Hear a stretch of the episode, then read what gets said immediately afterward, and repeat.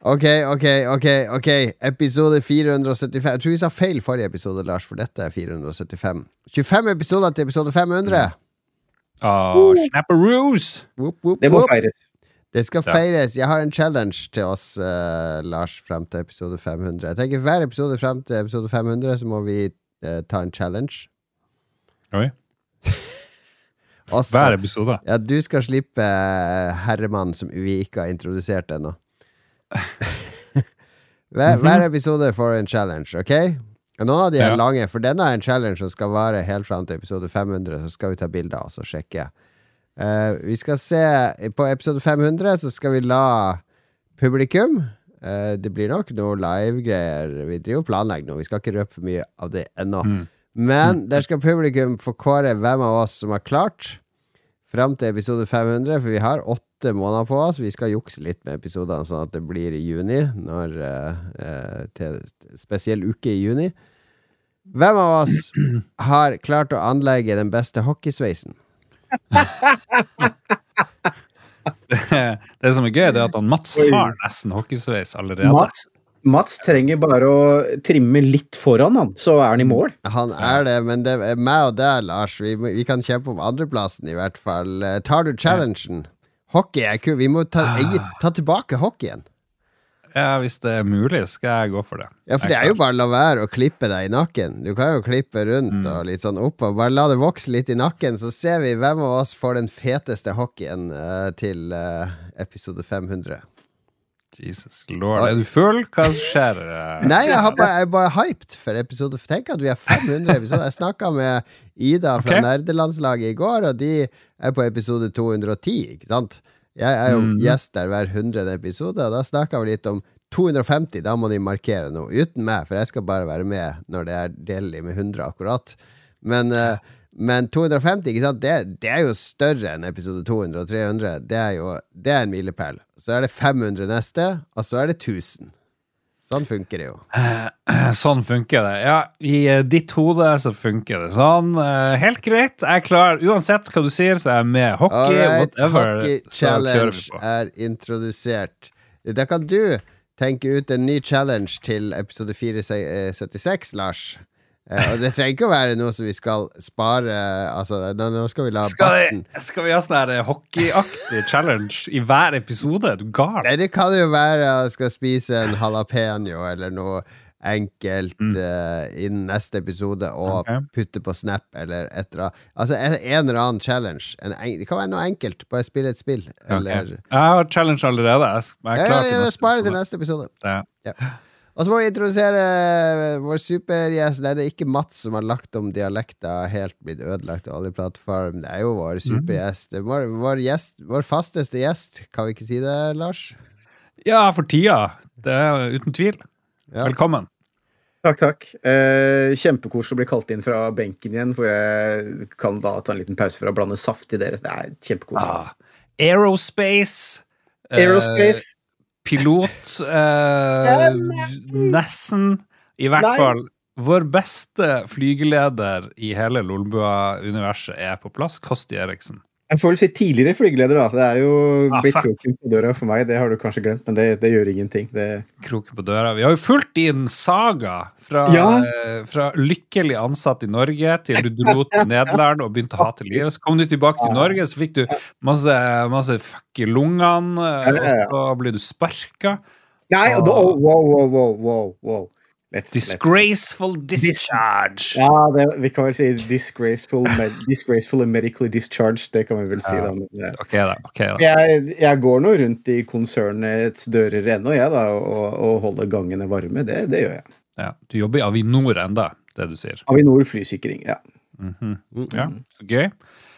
Uh, det, er så, det er så morsomt Jon, å ha Kosti som gjest, for da kan vi spørre om alt mulig rart som har med fly, romskip og forsvar og alt sånn det eh. Ståle spesial, fordi Ståle elsker å høre om fly og sånne ting. Ståle elsker fly. Jeg, jeg sa til henne at jeg skulle skaffe han en flightsuit en gang, men jeg har glemt litt. Det burde jeg egentlig bare gjøre og sende til han. Har de flightsuit i den størrelsen? Ah! Ja, men Ok, da sorry, sorry. det, det er ikke greit med fatshaming. Nei, det er ikke greit. Det er ikke. He's so fat! All right. Nei, men uh, fly, fly, altså, du, nå er du bare uh, leder? Siden du har mista flyet? Nei, nå, nå er jeg ifølge sjefen i Avinor Flysikring, så er jeg en som kun reiser rundt og deltar i middager. Ja. Eh, det, det, er, ja, det er fin jobb, det. det. er sånn altså. Det er litt, dilettante det er litt gøy, for jeg er jo jeg har gjort litt forskjellige ting, da. Ja. eh, Egentlig siden jeg slutta, og, og jeg har vært litt sånn for Forsvaret. Var med der ACE-øvelsen som var på Ørlandet. ja. Jobba med det. Og akkurat nå så jobber jeg sammen med simulatoravdelingen vår. og Ah, Eh, Vi har prøvd et nytt konsept hvor vi, hvor vi rett og slett har en slags desentralisert styring av, eh, av simulatorene våre. Det tror jeg egentlig dere kunne vært litt interessert i. Ja. Og det er rett og slett det at det, det sitter en flygeleder eksempel i Stavanger og skal trene, enten da eh, for seg selv eller med, som elev. Og så kjøres øvelsene da fra, fra mitt kontor på Evenes og også fra simulatorparken vår på, på Værnes. Mm. Så, så da får man liksom eh, en slags eh, ja, desentralisert eh, simulatortrening, og, og vi visste ikke hvordan det helt kom til å gå, for vi, det har ikke blitt prøvd før. Vi, vi vet ikke helt, men vi tror vi er de første, i hvert fall Europa, som holder på med det. Hmm. Og det, det er litt spennende, faktisk, og det funker overraskende bra. Og vi har et newzealandsk firma med oss som har da laget simulatoren vår, som vi har kjøpt lis- programvarelisenser til, og vi foreslo at vi vil gjerne gjøre det her. De bare kasta seg på med en gang bare ja, vi skal, det skal vi få til. Her er jo det Jokan perfekt. Han har jo alt utstyret klart. Det er bare å rigge opp. Det, jeg, kan, det er, jeg kunne kjørt det hjemmefra her helt uten problem, og det blir liksom det neste skrittet vi har lyst til å prøve, bare for å se om det går. Da. Nå har vi i hvert fall mista Ståle, så nå kan vi ha så mye fett jokes vi vil, for nå har han skippa denne episoden. Det er Ståle med. Men det er eh, morsomt. jeg må Det er Ja, bare full altså ikke- Ja. Så, så jeg, har fått, jeg har ikke hatt noe problem med å, med å ha lite å gjøre, for å si det sånn. Da. Det har jeg ikke. Det er bra. det er bra Nei, Jeg må innrømme, jeg så eh, det kom en Det kjør, rulles ut sånn ny runde med oppdateringer på Flight Simulator nå, sånne grafiske oppdateringer Ja, for ulike regioner. Da hadde de en for Nordics eh, nå nylig. Ja. Der de viser liksom Malmö med det der skrutårnet og eh, broa til Danmark, og så er de litt innom Norge og viser litt steder. Plutselig Altså, hva Jeg hadde jo aldri jeg hadde aldri satsa penger på for 20 år siden at i 2023 skulle jeg se en spilltrailer fra Microsoft som fokuserte på Askøybroa. Nei, Fordi eh, men Nei, Askøybroa er perfekt! Det er, det er, jeg blir imponert av detaljnivået Nei. i det spillet, altså. Men det kom jo i forrige store oppdatering så kom det jo en egen eh, oppdatering som kartmappe for Lofoten, Vesterålen. Det visste Ja, dere ikke. ja. Nei, det er herlig. Det er herlig Det er lenge siden Ja. jeg har flydd nå. Det tar så mye plass på harddisken, det er så mye utstyr. Jeg må være jeg, jeg er ikke så dedikert pilot som jeg trodde jeg skulle bli. Det er litt tiltak. Jeg har full setup, jeg, så Ja. Oi, jeg trenger, vi trenger mer Patrions-penger, for jeg trenger én FlightSim-PC som kan stå permanent Ah, rigga med. FlightSim og, og VR-headset. Og så trenger jeg én racing-PC, og så trenger jeg én sånn der generell spilling og jobbing-PC. Så og en kontor-PC. ja, ja, ja. Øk, øke, øke innskuddene deres. Vær så snill. Men hva har skjedd siden sist, da, Lars? Hva som har skjedd? Jeg så det veldig bestemt og myndig. Lars i helga.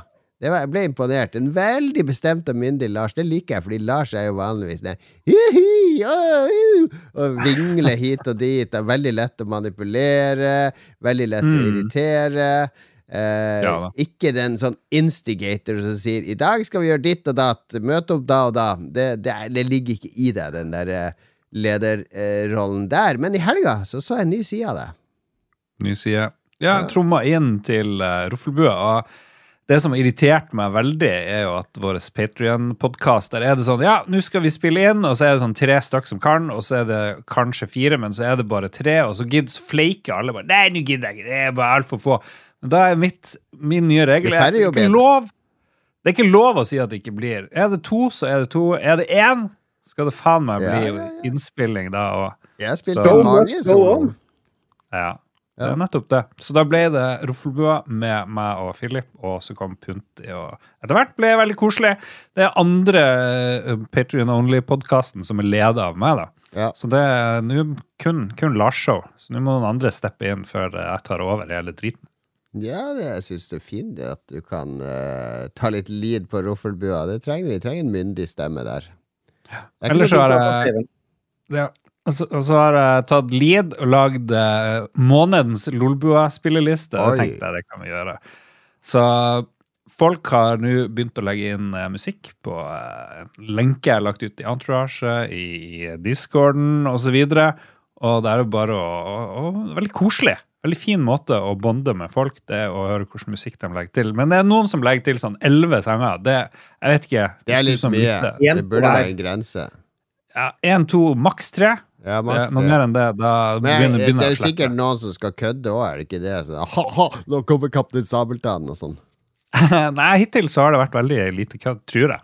Jeg skal Ja. ikke dømme noen. Det kan være noen som Så det har jeg gjort. Men det ja. kuleste, og det nå blir dere eh, å, å eh, bli, eh, bli helt crazy. Har dere hørt om nettstedet bonsaishop.com? Nei. Der har de Linden bonsai, og det har jeg kjøpt. Og det er akkurat sånn som er i uh, Karate Kid. Som Men er, er ikke det sånn at hvis du, hvis du ser, på, ser på den mer enn 30 sekunder på feil dager i uka, så, så dør den, liksom? Er det, ikke, det er ikke mer som skal til, ikke sant? Det kan godt hende, men et uh, Linden-bonsai er veldig uh, tilpassa nybegynnere. Fins sikkert uh, mer sånn hardcore shit. Jeg vet Men, ikke hva eh, du prater om nå. Jeg har bonsai-tre, jeg, faktisk. Ja, der ser du. Vet du hva et bonsai-tre er, Jon Cato? Jeg har det som kom fra Lego. Å ja. Eh, Det er de bitte små trærne du skal sitte og klippe på. eh, sitte sammen med Mr. Miyagi. det? Er ingenting som heter bonsaishop.com. Eh, skal vi se Plantasjen.no, der kan du Bonsai-shop.com. kjøpe bonsai-tre på plantasjen.no. Ja, det kan du gjøre, men uh, det var nå liksom Bonsai Eh, er en samlebetegnelse for potteplanter, står det her. Du, du, har, du har gått på en sånn Du har betalt sånn overpris for en potteplante. Ja, det er jo en potteplante, bare Ja, at ja. den er mye kulere enn alle Ja, andre ja, ja. potteplanter. Og det er veldig fin potte ofte, da. Ja, den må være veldig, veldig fin. Så det er en, problemet er jo at huset mitt er ikke kult nok for uh, bonsai-ting. Men det, det skal du snekke et sånt lite bord den kan stå på? Så jeg, det har jeg sett de har i Japan. Sånn, de lager sånn fint lite bord, og så lakkerer de det i pianolakk omtrent, og så setter de den potta oppå der igjen. Det høres ut som en god idé. Nei, det eneste jeg har, det er tre og så et bonsai-kit eh, for å stelle tre. Du må passe på lus. eh, du må dekke det til om kvelden, sånn at fluen ikke skal komme og ødelegge det. Det er jo flue på vinteren i Harstad. Ja, det var det, da. Fluer overalt i Ja, mitt lus hus. også. Ok. Ok. Ja, ja. Er det veldig varmt hos deg, eller? Er det er det? det? Det er ganske varmt. Jeg har fått isolert huset. Ok, ok. Nice. Du ble jo Jon Cato imponert. Det hadde han ikke Ja, sett jeg skal se det her treet. Du skal poste bilde av det treet. Jeg gir det Hvis det altså gir det lave eh, Høye odds for at det treet overlever til 2024. 2024, ja. Vi får se. Vi får se. det, men den der eh, eh, linken, den funker ikke. Bonsaishop.com. Så det må være noe annet du har kjøpt det Men der, der har vi jo en challenge, da. Liksom, kommer treet til å leve til episode 500? Her har du jo challenge i neste episode. Er- Du må be meg òg kjøpe et sånt tre, så skal vi se hvem har det fineste treet i episode 500. Det syns jeg var en kjempechallenge. Ja, ja, ja, ja, ja. Jeg kan Det Det er en helvetes mye drit vi skal holde på i episode 500, but I like Vi it. Okay. ok? vi må yte litt. Yte litt. Vi har ikke yta noe for lytterne på snart 300 episoder. Nå nå må vi pushe på litt i 20 episoder, Lars. Ja. Podcast-innhold lager seg ikke seg selv. Nei, korrekt. Nei, det gjør ikke det. Så Ja. takk for det. Jeg har ikke gjort så mye eh, spennende. Jeg prøvde å se den, eller jeg har sett den. Jeg klarte å se hele. Jeg så den der nye David Fincher-filmen på Netflix, The Killer! Med Michael bra? Fassbender. Ja. Nei, det er forferdelig drit. Nei, den er kul! Jeg så den med Det er sånn der monolog, monolog, monolog, og så er det Mm. ganske åpenbart eh, Det er jo basert på en eller annen fransk tegneserie eller noe sånt. Helt fair. Eh, og så virker det som at de har ikke klart å bestemme seg for om de skal lage en TV-serie eller en film. For det er sånn Det er delt opp i seks-syv kapittel. Så det er sånn kapittel fem, nå skal vi til Florida og møte en sånn Brute, The Brute, eller hva den heter, er kapittel fem. Kapittel seks. Så det er åpenbart for meg at på et eller annet sted på veien så har de tenkt dette blir en kul TV-serie på ti episoder om en sånn eh, leiemorder og, eh, som skal hevne seg. Eh, og så er det bare Nei, det blir for dyrt. Vi lager det til en film i stedet. Og det funker ikke som film, fordi det er uh, det, det, det, er en sånn type film der, vet, Det er sikkert et eller annet ord for det, men der hovedpersonen er i hver eneste frame og hver eneste scene. Altså, alle scenene er med han uh, Fassbender. Så det er, ikke, det er ikke sånn dram, film med dramaturgi der du liksom nå får vi se hva de holder på med. Nå får vi se hva ja. han holder på med. Det er kun Fassbender, Fassbender, Fassbender. Og det er greit. Han er god skuespiller. Han er ganske god, men du, selv om en film ikke oppfyller dine ønsker, så betyr jo ikke at den er mislykka. Her er det jo David Fincher som er en av de bedre regissørene. Det er visuelt pent, det er eh, Det er, eh, det er, en kul, det er noen kule actionscener, men det er dørgende kjedelig. Er, oi, jeg, jeg, bryr meg ikke om noe som helst, eh, om han er hovedperson eller hva han gjør. Det er det er langt bedre filmer. Den er veldig mange likhetstrekk med den franske filmen fra 60-tallet som heter Les Samurai. Uh, Les Samurai. Å, det er en fet film, altså. Uh, ja.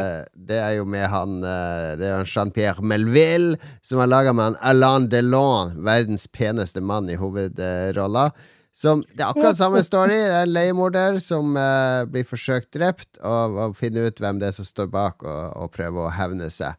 Så det, det, det, er jo et, ja. det er jo et plott vi har sett før, da, for å si det sånn. Ja da, ja da. ja da Men Les Samurai, mye bedre, mye bedre estetikk. David Fincher, han går Jeg tror han bare får de Netflix-pengene og går på autopilot. Han har ikke så mye han skal uh, fortelle mer, uh, føler jeg, da. Han er jo ikke Jeg føler at det er mer nerve, fordi det her er en sånn typisk film hvor Tom Cruise kunne spilt hovedrollen. Ja, det hadde vært sånn enda verre med Tom Cruise. Ja, det hadde vært verre, fordi Lord. han uh, eh, fastbender klarer å fremstå som Jeg lurer på om det faktisk hadde vært bedre med Steven Seagal i hovedrollen. Alt er jo bedre med Steven Seagal. Ja. Men det han fastbender klarer til en viss grad, her, det er å virke sårbar og ikke uovervinnelig. Han er liksom ikke den typiske Gerard Butler. Eh, ikke sant? Alle de her andre personene ville vært mye mer sånn kjedelige fordi de ville virka mer Ja, jeg syns han virker ganske overvinnende. Og så klarer jo ikke jeg å se på Fassbender lenger uten å se han bak rattet på en Porsche, for det er jo det han egentlig driver med nå. Han kjører jo, han kjører jo racing og Le Mans og sånne ting. Det, det blir jo en film også om hans racinggreier snart, basert på YouTube-serien. Okay. Tror, jeg, tror jeg står over. Sånn, det er litt sånn derre eh, Folk med penger og folk som er kjendiser, som liksom skal slå seg veldig opp da i sånn racing eller flyving eller et eller annet sånt, og så liksom Nei, kanskje du skulle han til han er syk, fordi, uh, fordi, det har vært uh, det er, Jeg har snakka om den her før. Det er en YouTube-serie med, med, Michael Fassbender, Fassbender og Porsche. Sett, faktisk. Uh, han har holdt på i mange år, og han tar det dødsseriøst, den racinga. Ja. Det er kult å se på. Så, han er jo så gammel, ikke sant? Han er født i 77, så det gir håp til sånne gamle hey. som meg. ikke sant? Ja, okay. Men hva, hva, slags, hva, slags, type bil er det han kjører? Uh, han kjører Porsche, sponsa av Porsche. Å oh, ja, okay. ja, ok, riktig. Så det er Ja, riktig. Ja. ja. Han er jo også min svigerbror. Jeg har jo møtt Michael Fassbender på Liverpool-kamp, for han er jo også Liverpool-fan. Så han har en selfie med Michael Fassbender, Michael Fassbender. på tribunen uh, på film Men nok Fassbender. Det var, en, det var en, helt grei film å se lørdag kveld, fordi vi var barnevakt for tre små unger og hadde holdt på i to timer å legge de barna. Var helt kaputt. Tok meg en whisky. Og da, det var egentlig grei film å se da, fordi den var så, var så lite motstand i den. Var så lite Det krevde så lite av deg. Så ja, det krevde så lite av meg. så, så, det fungerte helt greit. Mm. Se, se The Killer. Det er en interessant film. Ellers så er det fundert mye på IQ-testen, som vi skal ha i episode 500. Det er bare slutt å si at alt skal skje i episode 500. Nei, vi skal ha en eller annen IQ-test i en live-episode, har vi funnet ut.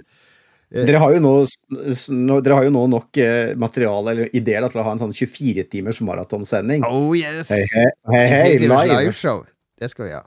Det er vi ikke får lov å gå på do. Vi skal tisse i sånne flasker og sånn. Bleie. Bleie har du, fordi, Som flygeleder så har du sikkert tatt IQ-test og sånn? Eh. Ja, ja. Vi hadde to dager med sånt, ja. Hvor høy IQ må man ha for å bli flygeleder?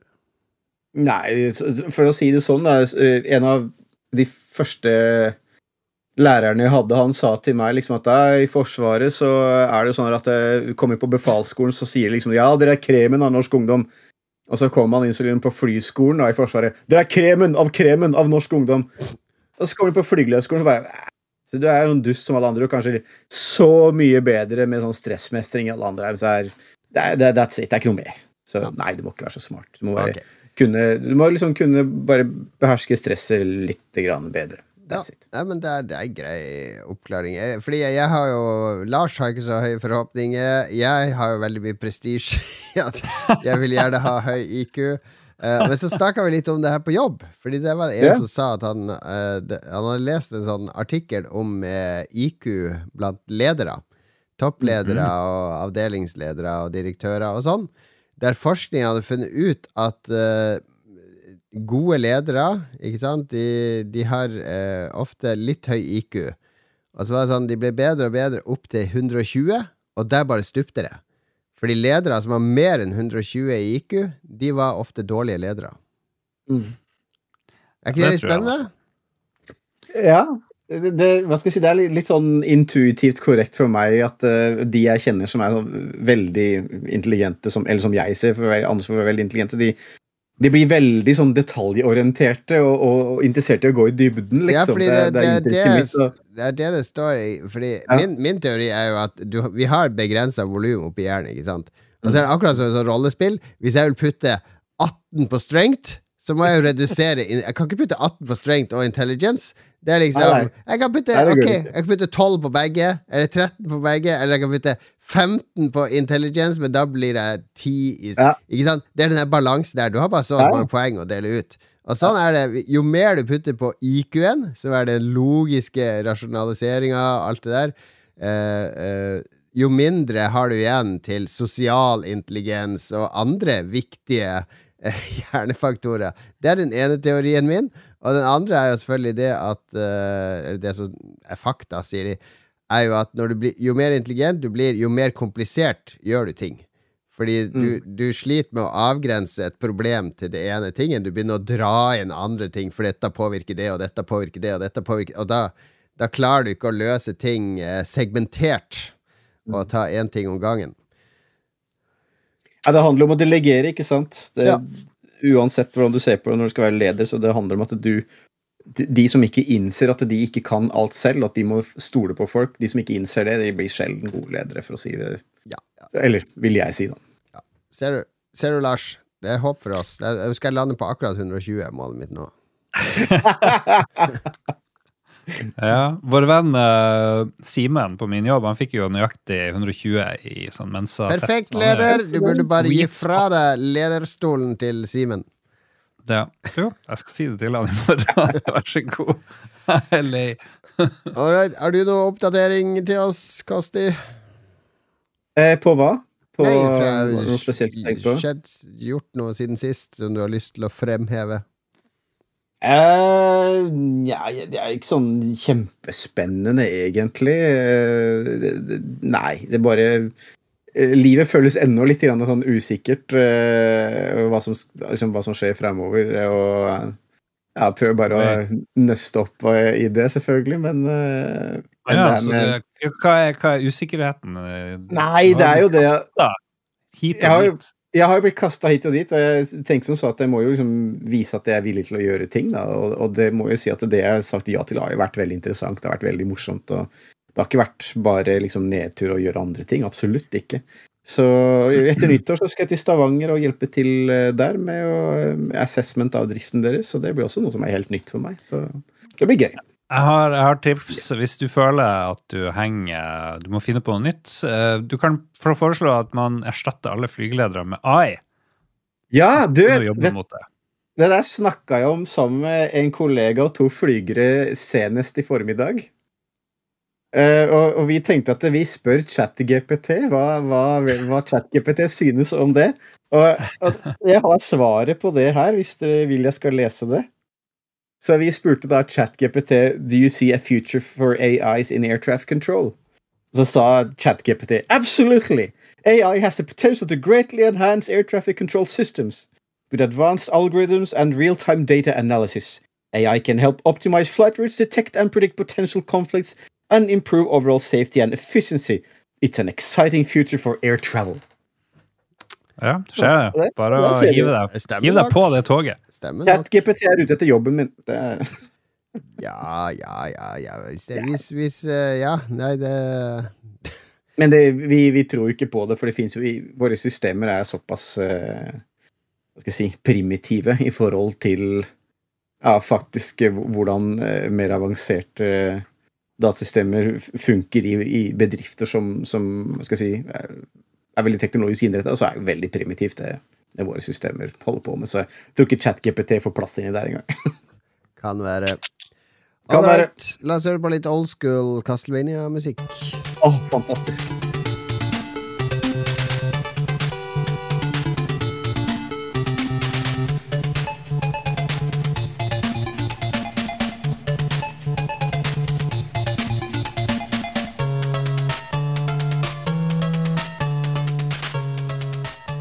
Gammel, gammel Castlevania der. Og det leder oss inn til spillspalten, der vi deler små og store gleder fra spill vi har prøvd i det siste. Og for noen timer siden så lo Lars høyt på Discord og bare «Jeg har ikke spilt noe siden sist! og så sendte jeg deg noen tips, og nå har du spilt noe siden sist. Ja, jeg, jeg måtte, du tipse om Subpar Pool, og så fant jeg noe annet jeg kunne teste Ja. på ti minutter. Så først, Subpar Pool fins i hvert fall til IOS. Ja, Fins det til ja. med? Eh. Gud vet. Ja. Det er et, eh, et sånn oppfinnsomt uh, biljardspill. Ja, du skal skyte ned i kule i hullene på biljardspillet på færrest mulig forsøk. Ja, du skal prøve å få Men- par, så det er litt sånn golf, Ja. eh, golfmekanikk. Det er også på Steam, det spillet her, forresten.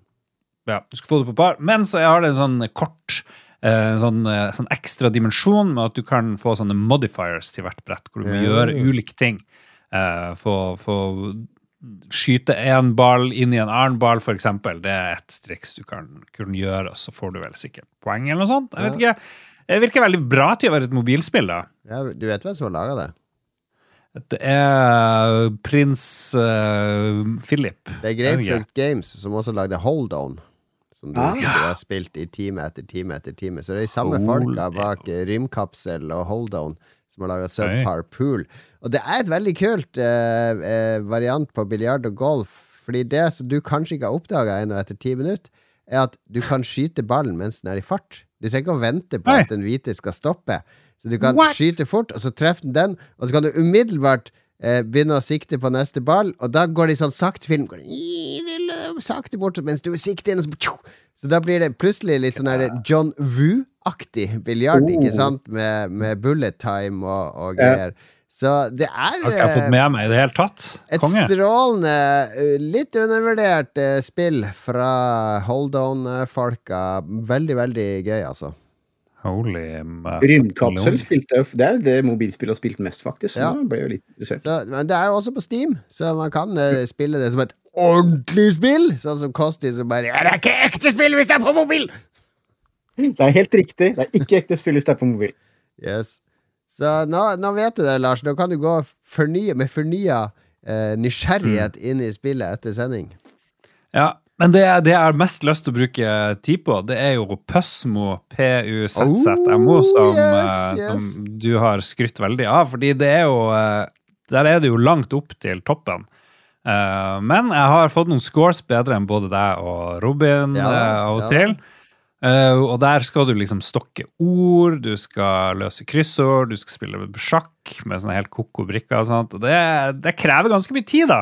Ja, jeg Det bruker nok en time hver dag på PSP. Du bruker veldig lang tid på kryssord. Den har jeg begynt å få litt under blodet, eh, under huden. Så den uh... Men vet du hva, det jeg For gjør meg høres det litt, litt ut som et sånt gammelt spill. Dette er Ja, det er- basically oppgave Det er altså. New York Times sin puzzleside, for de har en sånn puzzleside Ja, hver dag. okay, ikke sant? ok. Med Ja, ja. kryssord, sudoku og andre ting. Men dette er Zack Gage, som har laga en nettside med noen andre folk, som daglig gir nye oppgaver. Og så har jeg jo nå laga en gruppe ikke sant, med oss, Lars. Og det som er gøy med den gruppa, med oss Harstad-folk, er jo at eh, det er den høyeste score i hvert spill som blir, som blir totalsummen til gruppa. Så den gruppa konkurrerer med andre grupper. Men jeg har jo laga en webhook inn i discorden vår. Så daglig i Pøstmo-kanalen på discorden så får du hvem hadde de høyeste scorene i de ulike spillene i går Nei. i den gruppa. Eh, og, og nå har jeg også fått folk på jobb med her, så jeg har en Oslo Origo-gruppe som jeg også er med i. Man kan være med i så mange grupper man vil. Og der skal jeg lage webhook inn på jobben til Slack. Så utrolig kule sånn sosiale integrasjoner i det spillet. Mm. Jeg skjønner ikke det der med det, det eh, kryssordet, for det står bestandig at jeg bruker over en time, men jeg gjør jo ikke det, så jeg blir straffa. Ja, du får 30 sekunder ekstra hver gang du tar et hint. Ja, men jeg tar ikke så mange hint. Jeg tar ikke Tydeligvis. 120 hint. Så det, det er I noe, dag tok jeg fire hint. Jeg klarte det på 16 minutter og 38 sekunder. Ja, ja, ja. Men det er jo egentlig NM i å google ting du aldri har hørt om. Sånne her forfattere som uh, Ja, det er jo et par ting og sånne sangere og sånn, men det er jo en del av å løse kriser. Jo, jo. Men det er kjedelig når du skal sitte og google alt mulig. Men ok, prøv Pøsmo. Pøsmo.com. Jeg har en kode til overs. Den første som ber om kode, Ja. uh, enten det er Kosti eller noen, skal få Det, ja, det. Kosti har kalt det for sånn gamlisopplegg, så han skal ikke ha noe kode. Ja, skal Og, og hvor spilles det, sa du? Det spilles på På nett. I en browser, Browser. eller på mobilen din. Oh, ja, okay, Ja, okay, Ja. Eh, veldig kul browserintegrasjon, altså, med Ja. at du er logga på, og venneliste og, og leaderboards og Men Nå er jo vår venn eh, Espen Skoglund tilbake fra Japan, for han har jo ikke vært på et par ganger, så nå blir jo alle knust, for han tar det her seriøst. Eh, så må jeg nevne at jeg så vidt har fått prøve Detective Pikachu Returns til Switch. Oi. Var det virker som et fantastisk eh, bra spill. Jeg anbefaler det til alle som liker Detective Pikachu-universet. Hvor Pikachu er en uh, surprise. Spoiler alert, han er en detektiv. Hvis du bare liker Pokémon-universet, da. Nei, jeg føler ikke at det henger så godt i hop. Det er veldig lite Det er jo stort sett Pikachu og noen andre Pikachuer, eller sånn Hva heter det? Pokémoner. Ja. Og så er det sånn visual novel, gå og prate litt. Ja. Uh, litt sånn, det blir sånn Pikachu får seg kjæreste. Det er veldig kult. ja. Han får en sånn der eh, sånn Er, det, rosa er det noen sexscener og sånn? Ja, det er Ja! Ja, det- er ikke sexscener. Ikke ordentlig sexscene, men hvis du bruker fantasien, eh, så kan du liksom Så det er ikke sånn Altså, sånn som er indiske filmer at de begynner å danse, liksom, og da, da har de sex? Det er det sånn du mener? Ja, Nei, det, fordi Detective Pikachu er jo litt mer edgy, ikke sant? Han der eh, Ryan Reynolds var jo med, som er, jo- var jo stemmen til Ja, ja, det ja, er ok. Deadpool. Pikachu i filmen. Det visste jeg ikke. Deadpool Ja. og Wrexham. Ja. Han er så irriterende kul, han Ryan Reynolds. Jeg får litt sånn vondt. Men ehm, ja, du skal etterforske ting. Jeg, jeg vet, Handlinga er veldig forvirrende, og han drikker litt kaffe, og du må snakke med folk. Eh, sånn visual novel-greier. Nintendo.no Men, altså, det er, han er jo detektiv, ikke sant? Er han po i politiet eller sånn private eye, liksom? Hva? Private Hva Eye. Privat okay, men Da kan han jo ikke drikke kaffe, da, da må han jo være alkoholiker. Jeg tror ikke han er alkoholiker. Det kan Du kan sånn. ikke være privatdetektiv og ikke være alkoholiker. Alle sånne detektiver har jo noen issues, ikke sant? Ja, ja, ja. Dype issues. Kona er død av kreft, eller de er Ja. alkoholiker, eller de Ungene har dødd i en brann. Ja. Ja.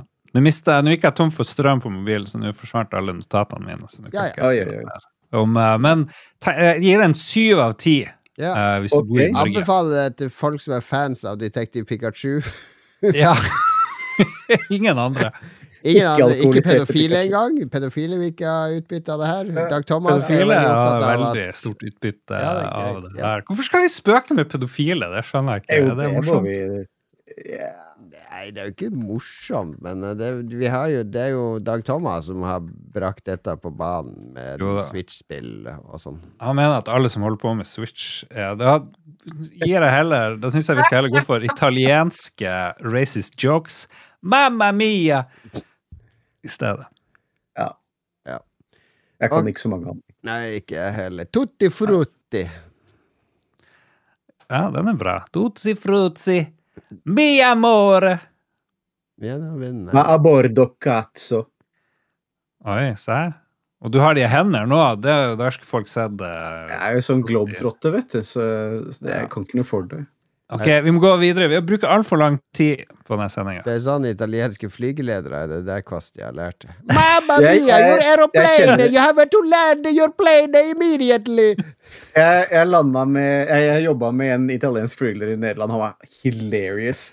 Jeg tror han ble ganske lei etter omtrent to timer etter alle mine italienske flygelederjokes. Det, det var akkurat sånn som Jon Cato holdt på der, at jeg, at, som jeg gjorde, da. Så det Ja, jeg tror han gikk lei ganske fort, da, men jeg, jeg, gikk, jeg gikk aldri lei.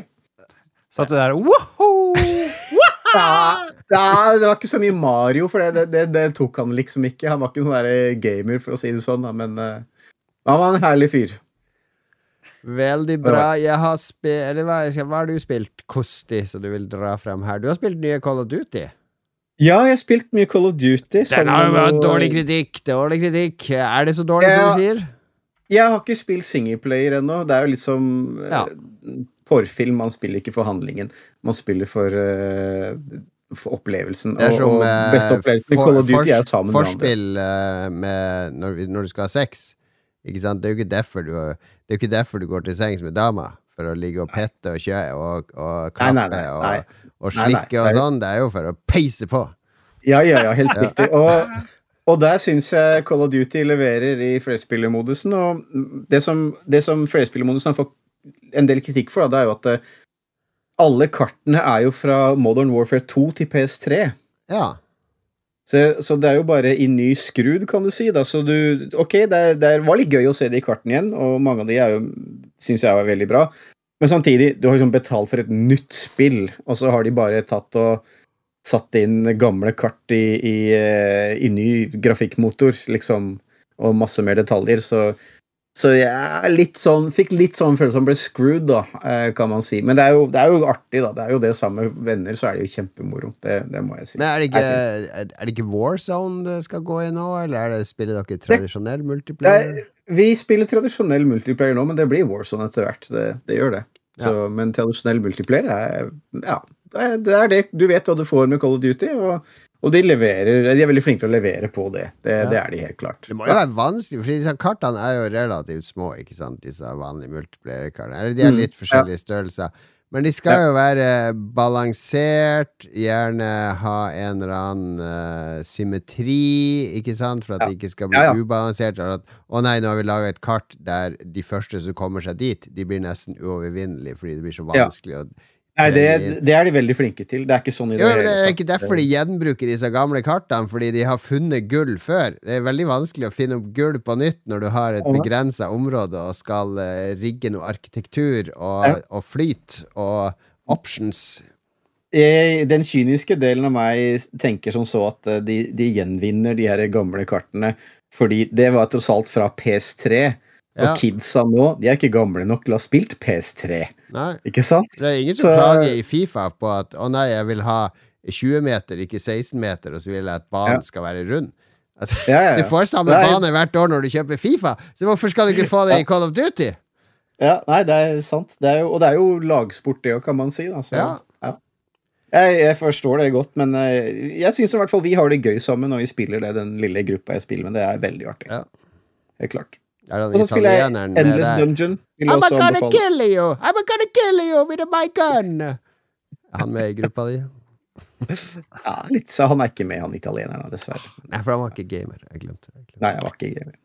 Kan du spille Endless Dungeon, var det du sa? End Endless Dungeon, ja. Um, har du spilt det her sånn turn-based sånn sci-fi strategispill som heter ja, Endless Space? 1 og 2? Mm. Jeg har vært borti Det kom Ja, det første kom vel i 2012, hvis jeg ikke er helt feil. Så kom det andre et par år etter 2016, Mm. tror jeg. 2017. Og det var egentlig ganske kule strategispill med sånn viss sånn grafisk eh, Hva skal jeg si Gjenkjennbarhet og design og, og hvordan ting så ut. Altså det her er liksom satt i det samme universet. Altså twin stick shooter, team co-op shooter, da, så du skal spille sammen med to andre. Det er, litt sånn, veldig sånn tegneseriegrafikk og campy, og, men veldig Det er utfordrende og, og skikkelig artig å spille sammen med andre. Det får opp pulsen din og blir litt følelser og Er det Det sånn, Anbefaler- veldig artig ut. Tre Veldig Ja, og veldig bra musikk også, faktisk. er det litt sånn top down, uh, Left for Dead-aktig coop? Uh, overleve? Eh, det, er, det er jo så isometrisk 3D, da, Ja, vil jeg det, si. ser det, ser. Kall det. Ja. Det er mer isometrisk 3D. ja. Eh, ja, vel, veldig artig spill. Ja, anbefales. Både på Steam og på PlayStation 4. Altså alle konsoll unntatt Switch, da. PC-konsoll. Er det noe random? Er det sånn rogue shit? Er Ja, ja, riktig. Ja, det er sånn, eh, sånn rogelight, ja. Og hver gang du liksom starter en, en dungeon, så er det jo ingenting du har sett før, da. Det er jo random generation. Så, så ja. Spennende! Spennende! Det Ja, veldig spennende. ut. Artig spill. Det ser ganske kult ut. Ja, det er det. Så de her forskjellige karakterene da, kjenner du igjen fra de Endless uh, Space-spillene, for det er liksom tatt fra de forskjellige rasene i spillet, så du kjenner det igjen derifra. I never heard of this game, Endless. Okay. Nei. det er veldig, veldig bra, faktisk. Jeg likte det veldig godt når de begge to kom ut. Kult. Jeg har spilt eh, og det lovte jeg forrige gang at jeg skulle spille, og det har jeg spilt. Jeg er mm, godt i gang med Like a Dragon Gaiden, The Man Who Erased His Name. Altså det nyeste spillet i Yakuza-serien. Du var så Ah. sykt gira på det spillet. Det må jo ha vært en sånn uh, skuffelse. Nei, vet du hva? For det første ble jeg litt sånn blown away av grafikken, fordi det siste jeg spilte, var uh, Yakuza 0. Spilte jeg i sommer. Eh, og det er jo OK grafikk, men her det er sånn next level med lys og teksturer og eh, Oi. Ja, lys og teksturer ja, det i dette ser smashing ut, ikke sant? For dette er spillserie jeg har fulgt gjennom mange, mange, mange spill, ikke sant? Uh, Fra PlayStation 2, ikke sant? Det var der jeg spilte det først. Nå ser helt amazing ut, uh, han Kiryu og omgivelsene, og uh, voice actinga er god, og så er det du, Det er gamle kart de har rehasha, bare du er i nåtid. Uh, og det er helt greit. Og så er det ganske fokusert. Uh, de kan bli litt mye cutscenes i, i Yakuza-spill, men det, det er ikke så mye her. Det er god progresjon i historien, og så er det litt morsomt. Og, fordi altså han uh, eh, Kiryu han, han eh, Det er jo han hovedpersonen i alle spillene. Han døde liksom i Yakuza 6. Da faka han døden sin for å redde barnehjemmet og sånn. Det var noen sånn mafiafolk som hjalp han med å fake døden sin. Og nå så er- står han liksom i gjeld til de, denne organisasjonen. Og de trenger hjelpa hans til Jeg skal vokte noen sånne greier. Det er noen terrorister og, og noe, noe tull.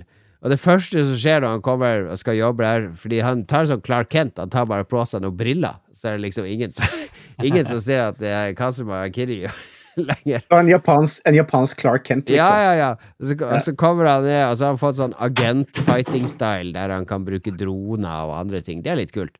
Og så kommer han ned på, på denne havna der de skal vokte skip, og det første som skjer, er en sånn dude som kommer bort og sier «Øh, Er ikke du uh, Kazuma Kiryu? han blir gjenkjent med en gang, og hele tida folk bare eh, Er ikke du Og Så blir han dratt inn i et plott med Sjefen hans blir kidnappa og blir satt i kontakt med en sånn dame som, er, som liksom hjelper alle de hjemløse i den byen, og du får en masse subquests og mission. Og da er man i gang! Da er det bare kos. Og det går ganske raskt, og kampene er eh, smooth, og alt er kjent materiale for folk som har spilt eh, serien før. Men det er sykt bra musikk, sykt bra produksjonsverdier. Det er liksom et steg Det er en forsmak på hva vi får i, i det nye som kommer uh, over jul, der du skal til Hawaii, faktisk, uh, og spille. Så jeg storkoser meg. Også, det det er noe skikkelig creepy her som gjør jeg må passe på ungene og sånn når jeg spiller det, fordi disse spillene har alltid vært sånn der du skal inn Det er masse minispill. Og, og disse skal være så realistiske som mulig, enten det er golf eller å kjøre radiostyrte biler. Og så har det alltid vært sånne hostess-minispill, der du skal på disse kabaret-hostess-klubbene.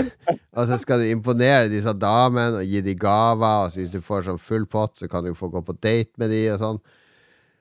Og det har vært kleint nok før, når du har sittet og prata med en sånn datadame som har sittet og så skal du si sånn Yeah, I like whisky, eller uh, I think your dress looks good. Det har vært flaut nok hvis Synne har sett på. Hva er det du spiller for noe greier? Det er bare sånn ting jeg må- Det må komme bare for skal ha achievement. Mens nå så har de bytta ut disse med ekte video av damer. da. Det er sånn FMV Det er sånn ekte dame som sitter der og fniser og snakker med deg og spør deg spørsmål. Oi, oi. Og det er så kleint å sitte som en 51 år gammel mann og skal chatte med sånne 20 år gamle lettkledde damer på en skjerm. Altså Hvis ungene går forbi jeg, Hva skal jeg si? Jeg kan ikke skylde på at jeg skal anmelde det for Aftenposten. Det var min unnskyldning før. Men, Men, eh, eh, ja. nå, vet jeg hvorfor, vet jeg hvorfor jeg ikke er så interessert i de spillene. Det er jo fordi jeg har jo levd Yakuza-spillene. jeg har jobba på det. Jeg har jobba på en hostessplass. Jeg har vært uh, stedet steder jeg jobba på, ble rana, og det var Yakuza, og det var israelsk mafia. Så jeg har vært i det der, der for real. Men jeg var jo servitør, da, selvfølgelig, på uh, Ja, ja. Hostessklubben One Eye Jacks, hvor det hver time kom inn folk fra strippebaren i nær, eh, ved siden av for å danse litt på bordene og sånt. Så, så jeg har, jeg har levd du har levd! For et, Ja, ja, for et liv! Se på den Ja. linken jeg posta nå, fordi det, det er fem damer du kan drive og besøke i disse hostess-klubbene, og alle de har vunnet en sånn auditionkonkurranse audition-konkurranse for å bli med i spillet. To av de er sånne youtubere i Japan. og og eh, ja. Nei, disse fem damene kan du chatte med i spillet. Ah, det er kleint. Det er kleint. Men det er litt gøy òg, da. Det er litt gøy. Det er sånn skamløst. Det er det det er. Jeg kjenner på at dette er egentlig helt uh, forferdelig, men det er litt skamløst òg. De gjør det helt uten ironi. Mm.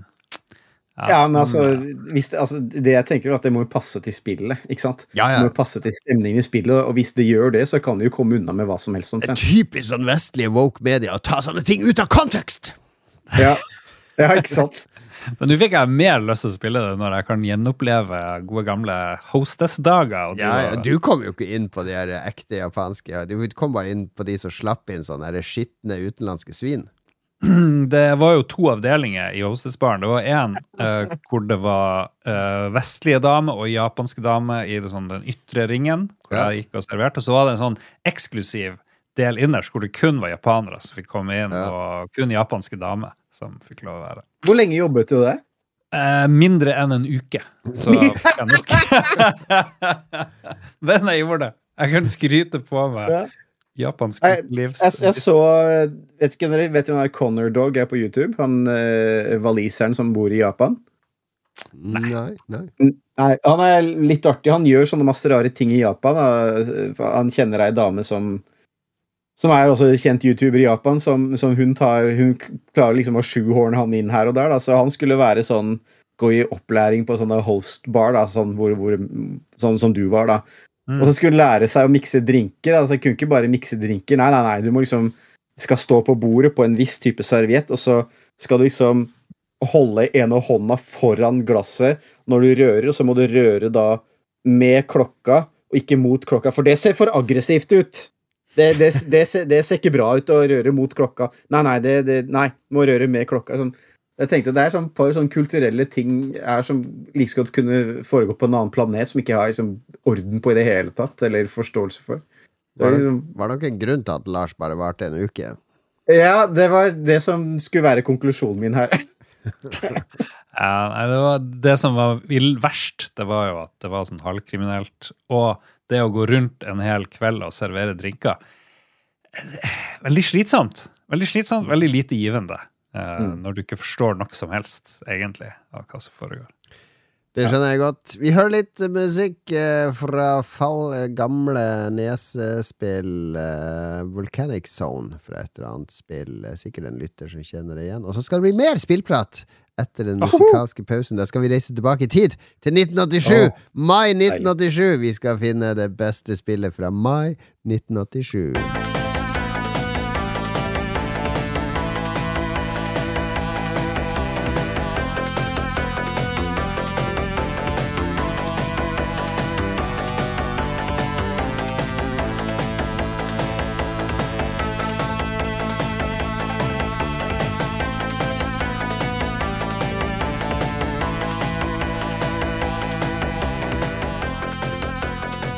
Mai 1987. Første gang verden ble eksponert for The Simpsons, som uh, dukka opp som en liten tegnefilm på The Tracy Ullman Show. Uh, Og så eh, Ja, hva mer var det som skjedde her? Ikke så veldig mye. Quebec ble indoktrinert i Canada. Ja, spennende. Skjedde Så ikke det Så sent. Nei, det var spennende. Jeg trodde det skjedde lenge før. Ja, det kan være altså, Canadian Prime Minister Brian Mulroney and the provincial premier premiers agree on principle to the Meck Lake Accord, which would bring Quebec into the constitution. Mm. Nei, vi er i april. Okay. Å, det skjer mye mer i mai. Klaus Barbie går på trial for uh, nazi crimes. Ja. Han fra eh, Han tyske mm, Han var grusom, sånn derre Ja, ja, ja. fyr The fra Butcher of Lyon. Ja, riktig, riktig. Stemmer det. Oh. Og ja. Stark blir truffet av to Irak eh, air to surface-missiler som drepte 37 sailors. Ja. Oh, masse som skjedde i mai. eh. Å, han Mathias Rust, husker dere han? Han, han kjenner du, Ja. Kosti. Han kjenner, han kjenner jeg til. vet du. Han fløy fra Tyskland til Moskva i en liten Cessna 172 Skyhawk. Landa på den røde Eh, plass. Landa på den røde plass, og, og han klarte jo da å Altså, ingen trodde det skulle være mulig. Alle trodde jo at uh, russiske forsvarsradere kom til å plukke den opp og skyte han ned etter kun kort tid. Han, han klarte å fly så lavt med den der eh, Skyhawken sin at det, ingen tok, klarte å se det, at han var der i det hele tatt, før snuten så at han liksom landa på den røde plass, og det var jo Hodet rullet jo Jeg husker i, i jeg russiske så det der på Dagsrevyen. Jeg husker det godt. Jeg var, var, var litt uh, amazed av han Mathias Ja, jeg, ja, ja, jeg også. Og jeg har sett masse intervjuer med han etterpå også, for jeg syns Mm. det er en helt, helt vill historie å liksom utsette deg for den faren som det faktisk var, da. Ja. Jeg foreslår at vi, vi feirer det der neste jubileum, og så flyr vi samme ruta fra Tyskland. Du må ikke ha så kompliserte challenger for episode 500, Ja, Lars. dette er ganske, dette er ganske jeg, jeg kan dekke det fra bakken herifra. Vi kan fly den ruta i Flight Simulator. Det kan vi gjøre. Det går an. Det er ikke noe problem. Det går an. All right. Men uh, mai eh, 1987, det kom en rekke spill, og jeg plukka ut de fem beste spillene som kom uh, denne måneden. Det er uh, to Arkadespill, eh, og så er det tre computerspill. Ikke så mange highlights på konsoll. Jeg følger med på Nintendo 8-bits, som herja på denne tida. Var ikke noen store spill i mai. Det var, et sånt sånn joggespill som kom, men det, er ikke verdt å ta med. Men det kom tre meget gode computerspill, og vi kan begynne med de. Og det første er et fantastisk spill som heter Head Over Heels. Uh, som eh, det, det er denne typen 3D isometrisk, som var en type sjanger som uh, var populær på den tida. Fordi det var, det var en måte å lage en illusjon av en tredimensjonal verden. Det aller meste var jo todimensjonalt, for man hadde ikke maskinkraft til å kjøre ekte polygoner og vektorgrafikk i real time. Eh, Så for å få en illusjon av 3D, så lagde man ofte et sånn perspektiv ovenfra og på skrå ned. Eh, Så det så ut som 3D. Sånne spill var ofte litt vanskelig å kontrollere, husker dere? Jeg var Mm. ofte litt usikker. Hva er opp, og hva er ned? eh, Høyre og venstre? s- s- Super Saxon var jo sånn, og da var det liksom Man skulle treffe sånne små hull i sånne der vegger som måtte fly gjennom med romskipet sitt. Og det var veldig vanskelig å bedømme. Liksom, ja, er, mm, er jeg liksom Nei.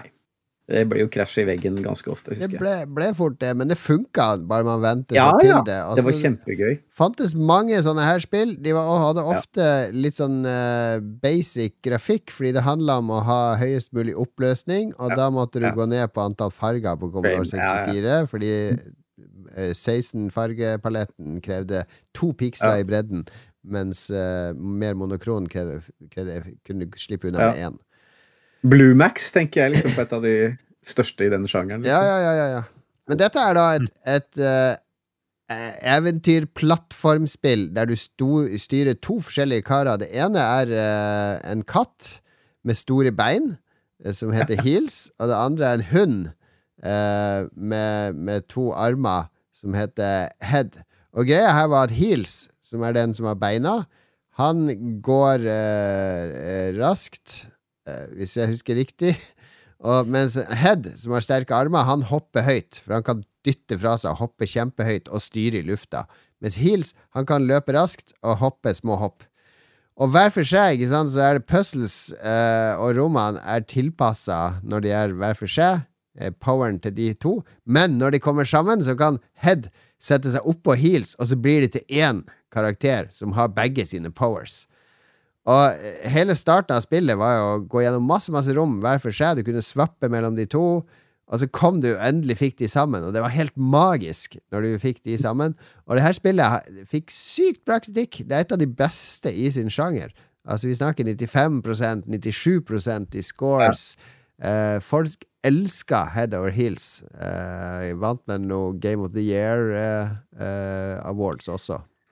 Det kom en remake i eh, 21-22 til eh, jeg tror det var Switch, i hvert fall. Jeg vet ikke, Det ser ut som eh, Heels er en kvinne. Muligens at hun har blitt en dame. i Og ikke Det er umulig å se noe kjønn på Commodore 64-grafikk, stort sett. Ja, det var ofte vanskelig.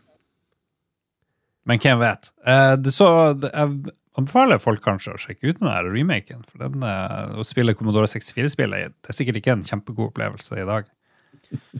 Nei, det er ikke verdens beste opplevelse, men dette er faktisk et spill som holder seg litt. Og så hadde det, det hadde en kul Jeg spilte det ganske mye, for det hadde kul oppbygging med verden òg, for det var fem forskjellige verdener du skal hente ting i, og alle de hadde ulik tematikk, så det, det er mulig å skille de fra hverandre. Så det var veldig gjennomtenkt level design og, og hele pakka, så nei, storveis, Ja. storveisspill, altså.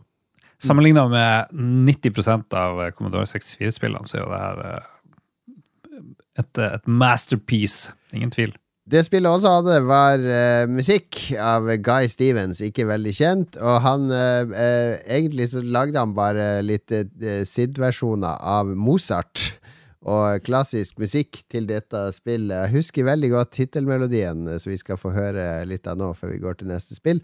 Eh, fordi min venn eh, Gunnar Brun i Harstad, vi spilte det her mye. Altså eh, Faren til Gunnar Brun Han var opptatt av klassisk musikk. Og så satt vi på tittelskjermen med Mozart, og han bare kom inn og stod eh, Jeg har aldri sett et sånt uttrykk av avsky i fjeset. Han bare 'Mozart ville snudd seg i grava hvis han hadde hørt det der', sa han. Jeg vet ikke. Hør på det her. Ville, ville Mozart snudd seg i grava?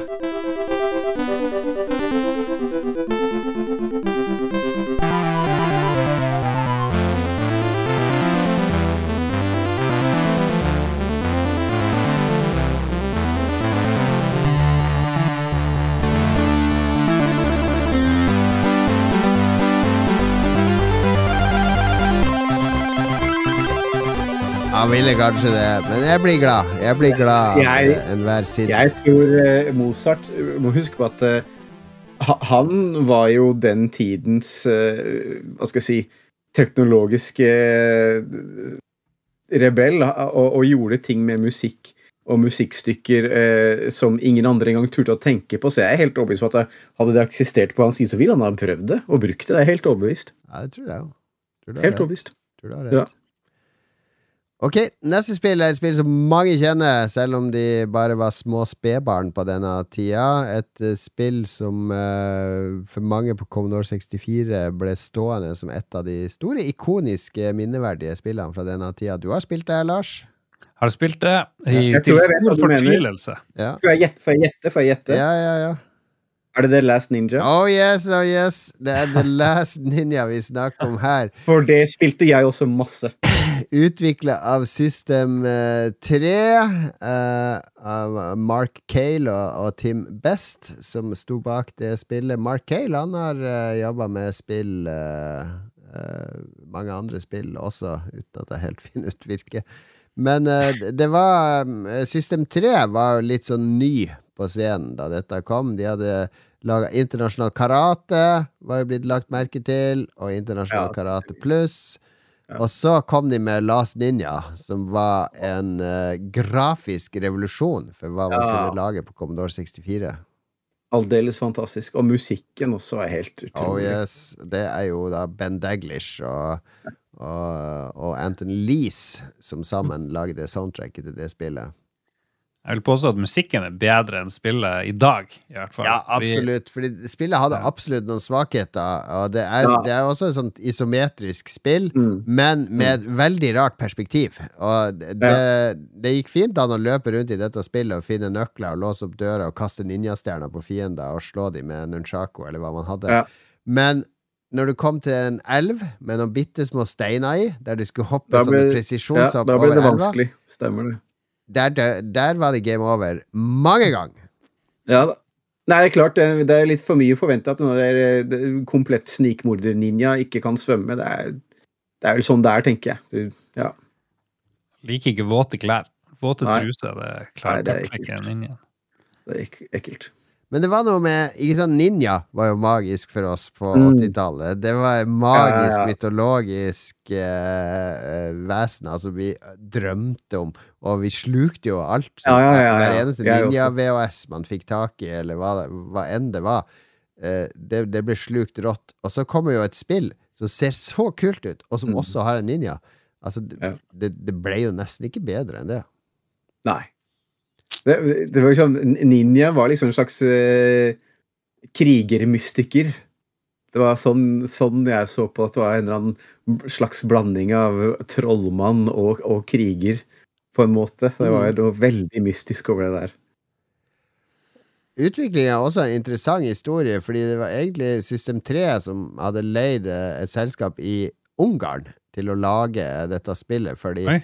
Men det ble, ble masse knot med motoren og det de lagde, og hadde en egen sånn eh, eh, eh, assembler eh, Eller er sånn programmeringsspråk. Eh, og de missa masse deadlines, og de klarte å lage noen levels, så all koden ble liksom sendt over til London, fordi det, avtalen med det teamet i Ungarn ble avbrutt, og de overtok koden, System 3, og så var det en som heter John Twiddy, som reworka det inn til det spillet som vi kjenner i dag. Nei, det var, det var liksom det var noe, Jeg tror litt av hemmeligheten til spillet var at det så veldig kult ut, det var bra musikk, men at det var så vanskelig, var òg en sånn challenge i seg sjøl, som gjorde at du For du ble jo ikke ferdig med det spillet liksom uh, på en helg. Det der var jo et livsprosjekt, egentlig. Det var også et spill som var delt opp i kapitler, og det, på Commodore så hadde du jo veldig begrensa lagringsplass, og her var det jo faktisk eh, bare hyggelig å ha spillet på kassett. Vanligvis så var det frustrasjon, du ville heller ha det på diskett, så det loada raskere. Men her var det hyggelig, fordi spillet kommer jo med jeg tror det er tolv låter. Fordi det er seks leveler, og hver level har jo sin låt, men loadinga til hver level har sin egen låt. Så Stemmer det, stemmer. den der forventninga når du klarte en level og loada i neste og fikk en hel låt på fire-fem minutter og, og, og kose deg med og få fokus via, eh, det, var, det var spesielt, altså. Ja, absolutt. Helt klart. Og Ja. sitte og lese Fantomet mens man ventet, det var helt eget ord. Vi hører på låten eh, Wastelands fra Last Ninja her.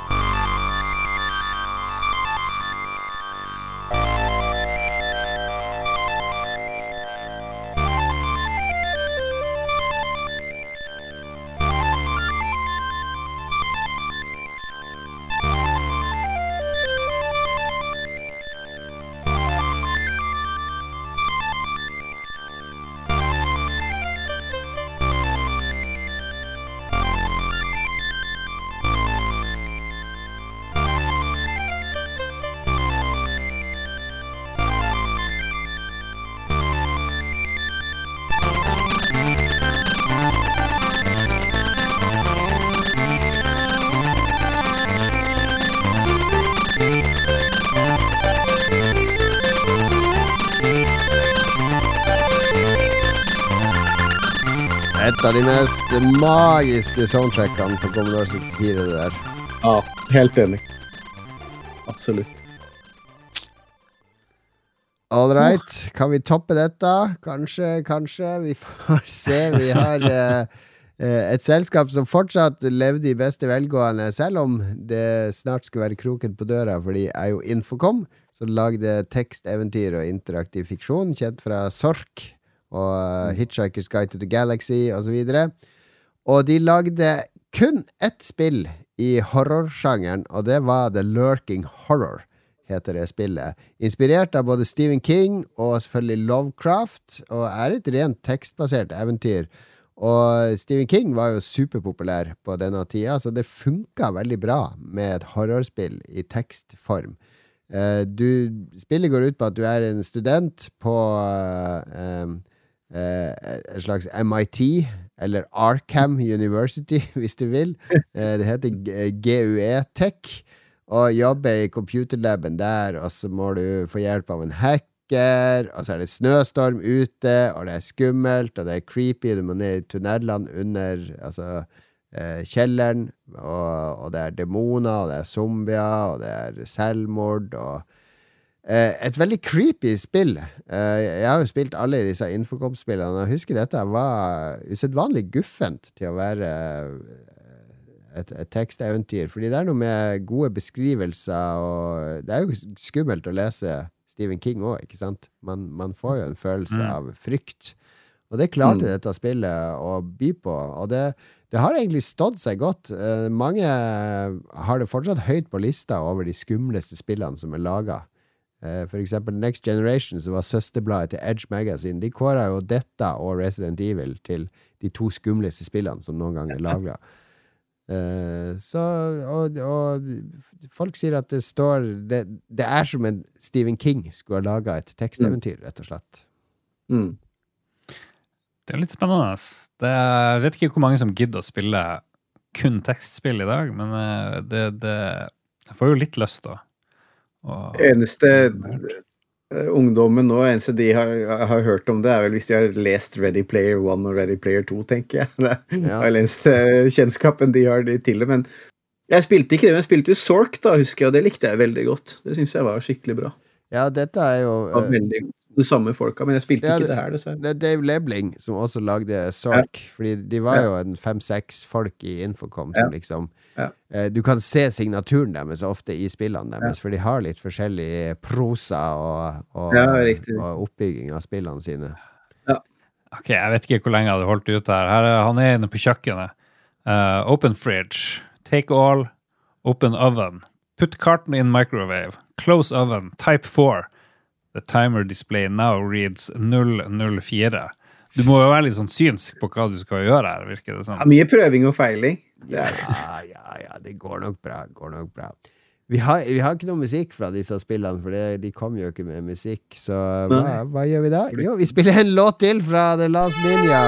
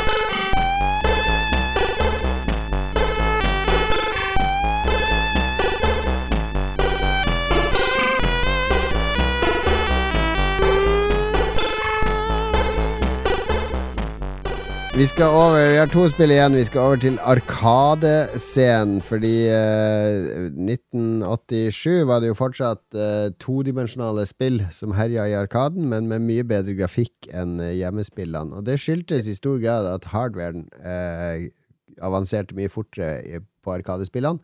Og Namco var jo et av disse selskapene som lagde mye Arkadespill. Og de kom i 87 med sitt nye Arkadekretskort eh, som kalles for Namco System 1.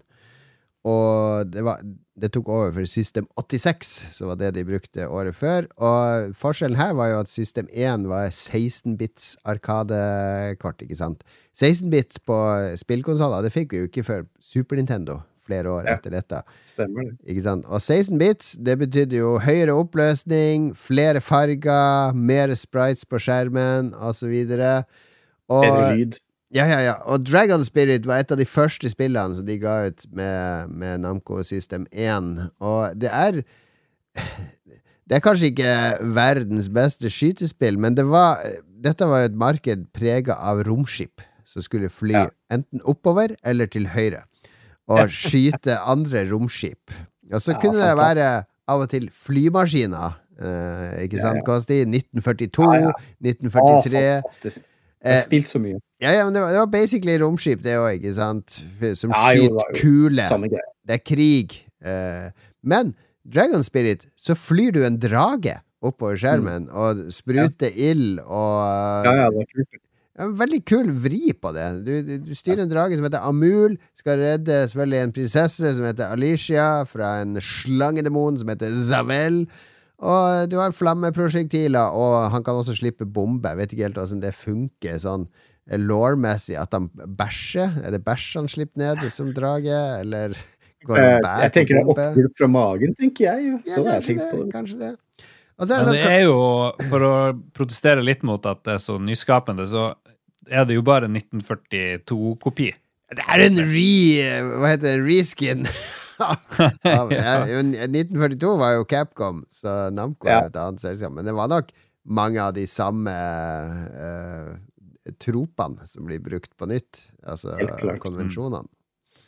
Men eh, ja, ja. Nei, det er artig at det er, at det er en drage, men eh, noe mer enn det, vet ikke. Fantasy, fint.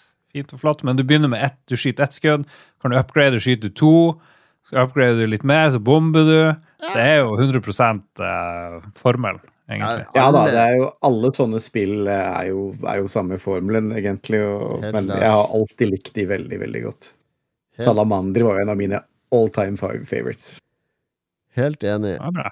Ja, Likte, likte dette godt, ja. Jeg skal se om jeg ja har det her. på min lille boks her. Dragon Spirit var veldig, veldig bra. Dragon Spirit, yes baby. Der var den. Du har den på mm, din analog pocket, er det du sier? Ja, jeg har i hvert fall PC Engine-versjon av spillet her. Ah, nice. Nice, nice. Slo med vingen og stemmer det. Ja, ja, ja, ja. Og, det var sånn Og vanligvis så var det ikke noe animasjon på de her romskipene og flyene, ikke sant? Nei, her måtte den faktisk bevege seg. Ja, det var jo en levende greie, så det måtte jo Ja, måtte jo vise, vise seg ut som det var i livet. Artig. Nei, men Ja, visst, det er artig kuriositet, ikke sant? En artig uh, vri i sjangeren. Så vel verdt å, å løfte opp som en eh, litt sånn obskur, uh, artig ting fra Namco, Ja. som alle med litt sånn retrointeresse kan sjekke ut, om ikke spillet, men en YouTube-video, bare for å, å lære litt. En long play. Ja. Og det hadde Ja. musikk òg. Vi kan høre litt uh, musikk. eh, Ja, ja. for å si sånn, eh, lyden ble, ble bedre på disse arkademaskinene, men det var ikke alltid musikk. Altså, SID-chipen var jo langt foran hva disse arkadespillutviklerne eh, klarte. Mm. Spør du meg, hør på det her, da.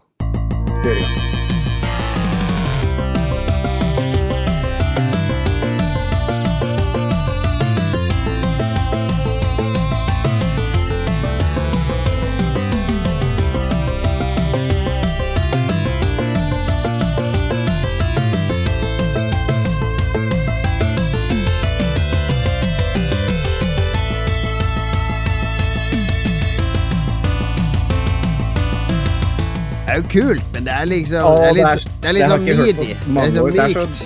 Midi. Det, det er så varmt på en Ja. måte. Det er så, det er så godt. Det er det. Det er jo Shinji, Shinji Hoso som har laga denne låten. Se hva mer han har komponert. Ridge Racer-soundtracket. Ja, Ah, der det har var han vært med og bidratt. Tekken 2-musikken er det han som står bak, og Tekken-musikken. Det er jo bare bra. Han holder på fortsatt, han. Pacman 99 lagde han musikk til. Pokémon Quest.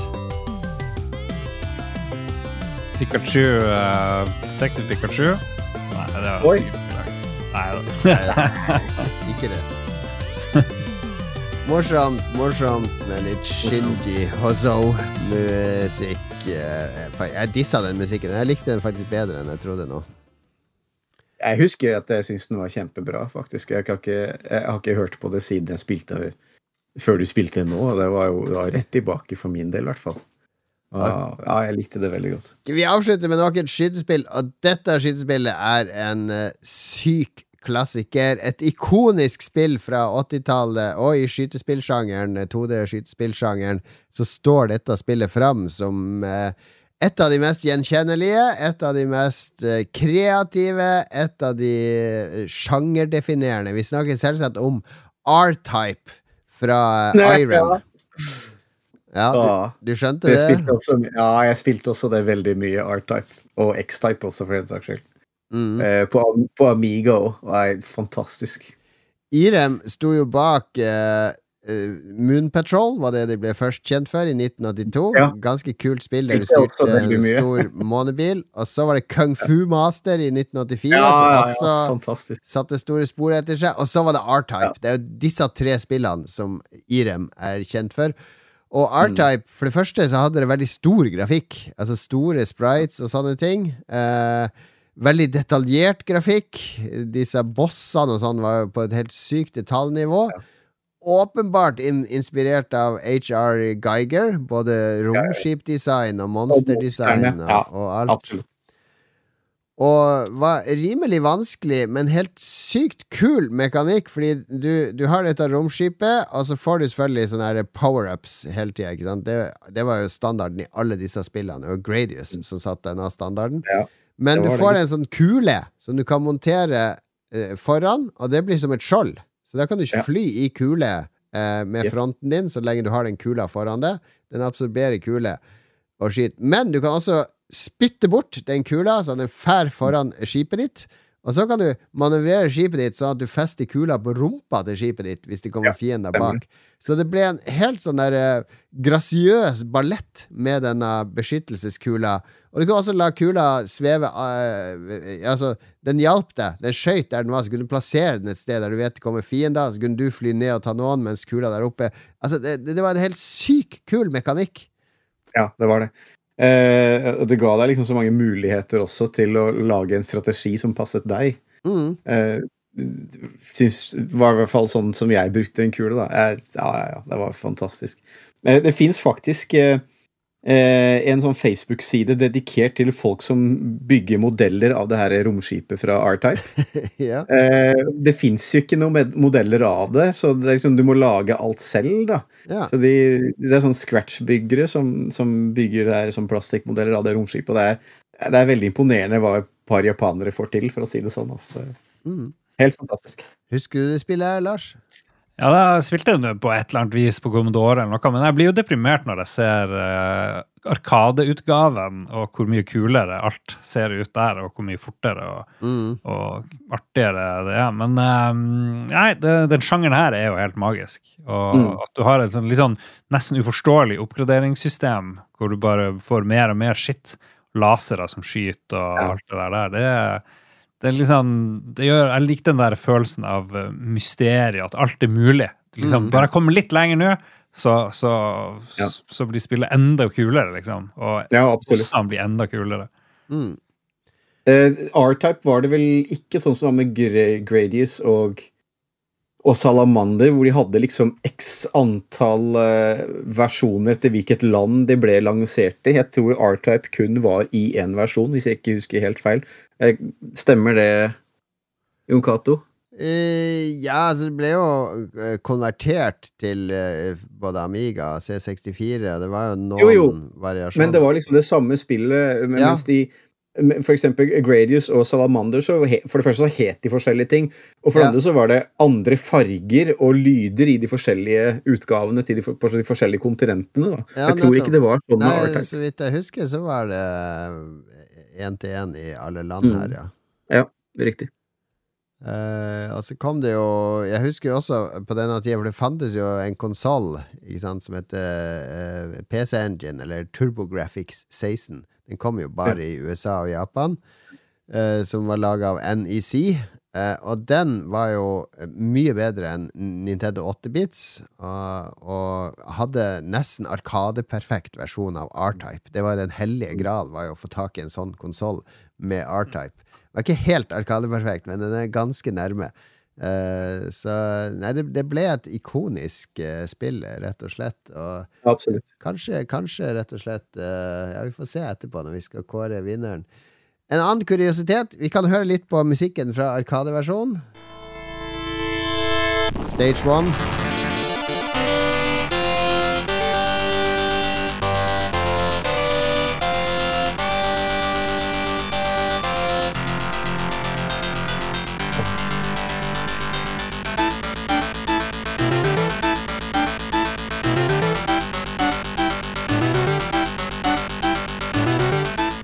Det er ganske basic, men spillet ble jo konvertert til både Commodore 64 og uh, Amiga. Og da var det jo Chris eh, Hulsbeck som fikk lov å lage musikken. Og da, da ble det litt uh, Det ble faktisk en forbedring, vil jeg si. Her er Amiga-versjonen av Artime.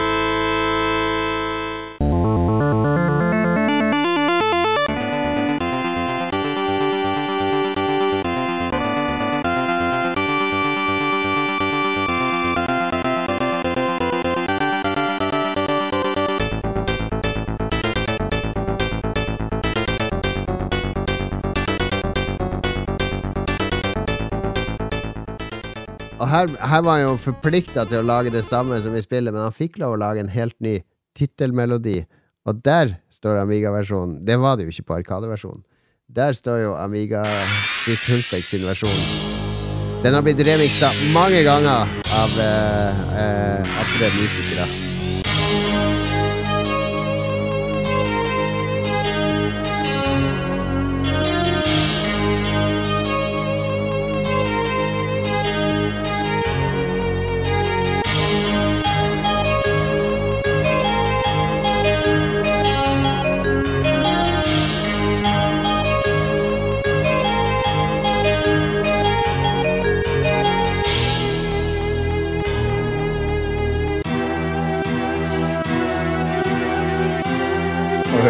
Av dere. Stemningsfullt, stemningsfullt. Men hvis det er noe spill, uh, musikk som er remiksa mest, så må det jo være uh, Las Ninja av alle de her, som skal vinne musikkampen i Ja, dag. hvis vi skulle kåret det, så hadde det vært enkelt. Eh, hvis det bare handla om musikken. Men det gjør det jo ikke. Vi har nå fem spill, og vi skal kåre det beste spillet i mai 1987. En usedvanlig sterk måned, vil jeg si. Vi har. Head Over Heels, kanskje et av de beste 3D isometriske plattform-eventyrspillene som er laga. Vi har The Last Ninja. Et særdeles ikonisk Commodore 64-spill. Kanskje ikke verdens beste gameplay, men herregud, så, så mye Det tok jo tidsånden også, ikke sant? Ja. Og, og, og, Absolutt. for meg så var det sånn Last Ninja hang så sammen med actionfilmer også på den tiden, ikke sant? Så, Ja, ja, ja, ja. Og du har Lurking Horror. eh, Stephen King møter Lovecraft. Var det, det var sikkert første møte med, med, Lovecraft for mange, fordi Lovecraft er jo alle dataspill nå. Det var ikke mye Lovecraft i 1987 i, i dataspill. Og Dragon Spirit Ok, den er en kuriositet. Vi kan putte den på benken nå, kanskje. Men, men alle disse fire andre R-Type, Lurking Horror, Last Ninja og Head Over Heels, vil jeg si, står meget støtt som potensielle vinnere her. Ja. Hva sier du, Lars? Nei, det står vel mellom R-Type og Las Ninja for min del. Ja. Um, men uh, ja, jeg kan godt gi det til R-Type, siden det er helt forferdelig å spille det her Las Ninja. Hva sier du, Kosti? Å, jeg, jeg vet du det er to spill jeg har spilt veldig mye, og jeg, jeg skal ikke prøve å si hva jeg spilte mest, for det aner jeg ikke. Jeg har vel sånn på følelse at jeg spilte begge to like mye, men jeg er jo nerd, da. Aerospace nerd, så jeg må jo lide til R-Type, tenker jeg. Ja, da blir det nok R-Type. Jeg, jeg, jeg løfter fakken for Head Over Heels. Last Ja. Ninja, det, det husker jeg naboen hadde. Jeg var oppe hos han og så på han spilte det. Og jeg var jeg, Det var da jeg ble spillkritiker, tror jeg, for jeg begynte å kritisere kontrollen og litt sånne ting.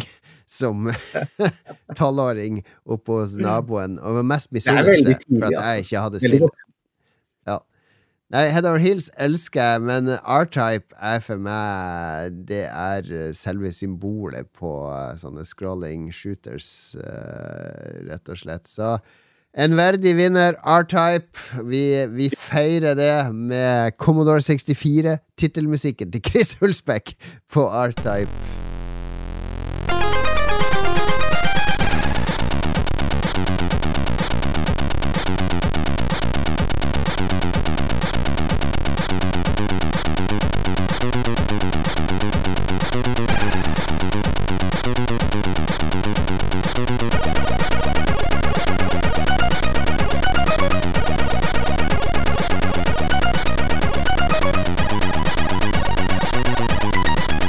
Her må det nevnes at eh, Chris eh, Hulsbeck fikk hjelp av eh, Ramiro Vaca til å lage denne låten. Ramiro Q. Ramiro, I have composed the music for the R-Type. Jeg vil bare si, eh, 1987 var et veldig sterkt spillår, altså. Det Ja, var absolutt. vanvittig masse gode titler som kom i 87. Ja, Vi merker det i spalten her, Lars, at 86 var det mye eh, eh, men 87 Ja. nå, det, nå er det mye bra, og nå er det litt gøy òg. Og så er det gøy at det er litt musikk å spille fra de òg, Ja, ja, ja. mimring. Og eh, det blir, blir en bra spalte der. Vi må holde koken på den. Ja, det tror jeg, tror jeg skal være enig. Og du har vært et veldig bra bidrag i spalten, her, for når vi har med Mats, så er det sånn Jeg var jo ikke født! Jeg var jo ikke født på den tida! Herregud, Det kan- gi meg 1997, da, for faen! Ja, nei, vi kan jo ikke holde alderen hans mot han, da, men, eh, men det er klart, i et forum som det her, så kommer han kanskje litt i kort. eh, Sånn sett. Han er overraskende kunnskapsrik til å ikke være født. Ja, han, han var det. Han er det. Ok, ja, anbefalinga igjen, så er vi ferdig. Jeppidu, jeppidu. Anbefaling eh, Skal jeg begynne Jeg anbefaler Jeg skulle egentlig anbefale noe annet, men jeg må lese meg mer opp på det til neste Ja. gang. Det har noe med matlaging å gjøre. Ah, okay, okay. ok. Eh, men jeg skal heller dra frem eh, et, et musikalsk eh, orkester som eh, jeg ikke har researchet i det hele tatt. Tenk, et musikalsk orkester, det var unikt i en orkestersammenheng.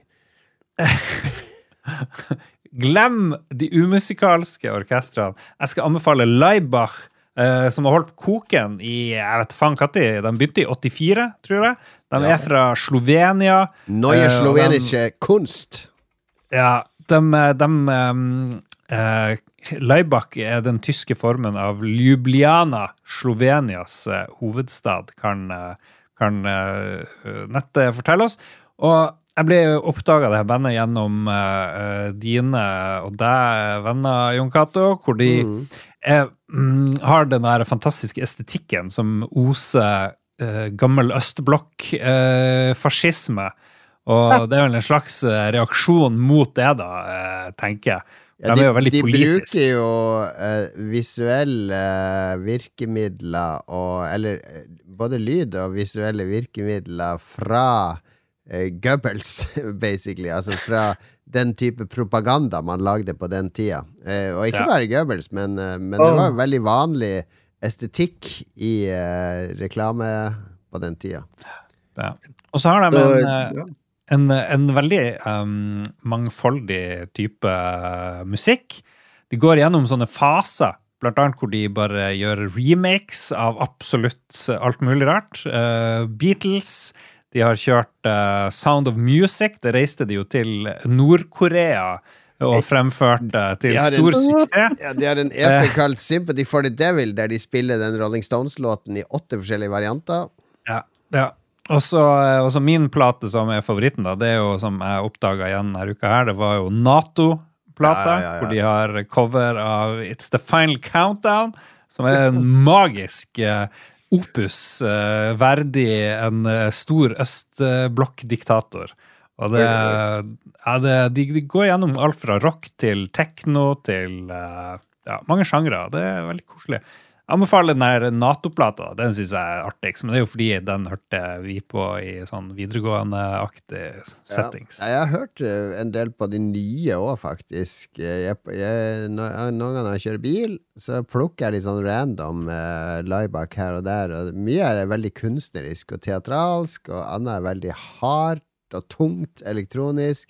Det er alltid verdt å lytte på, så jeg kan stille meg bak den her. Jeg har vært på et par Laibak-konserter òg, og det er jo eh, også en opplevelse. Det blir litt ødelagt, eller i hvert fall den jeg husker jeg var på det på slutten av 90-tallet, at det var sånn halvparten av publikum var jo uh, ekte fascister, mens de andre var jo uh, studenter og sånne som meg, som på en måte så det kunstneriske i det. Så det, det var litt eh, spredd. Jeg tror ikke det er så mange fascister igjen i fan, fanflokken Ja. nå. Jeg husker ikke om det var Laibach, for jeg var på den der eh, Jesus Christ Superstar-turneen deres, eh, som var innom eh, Oslo. Ja, ja, Og da, jeg husker ikke om det var på den eller en Rammstein-konsert at det kom en fyr i sånn ekte nazi-uniform.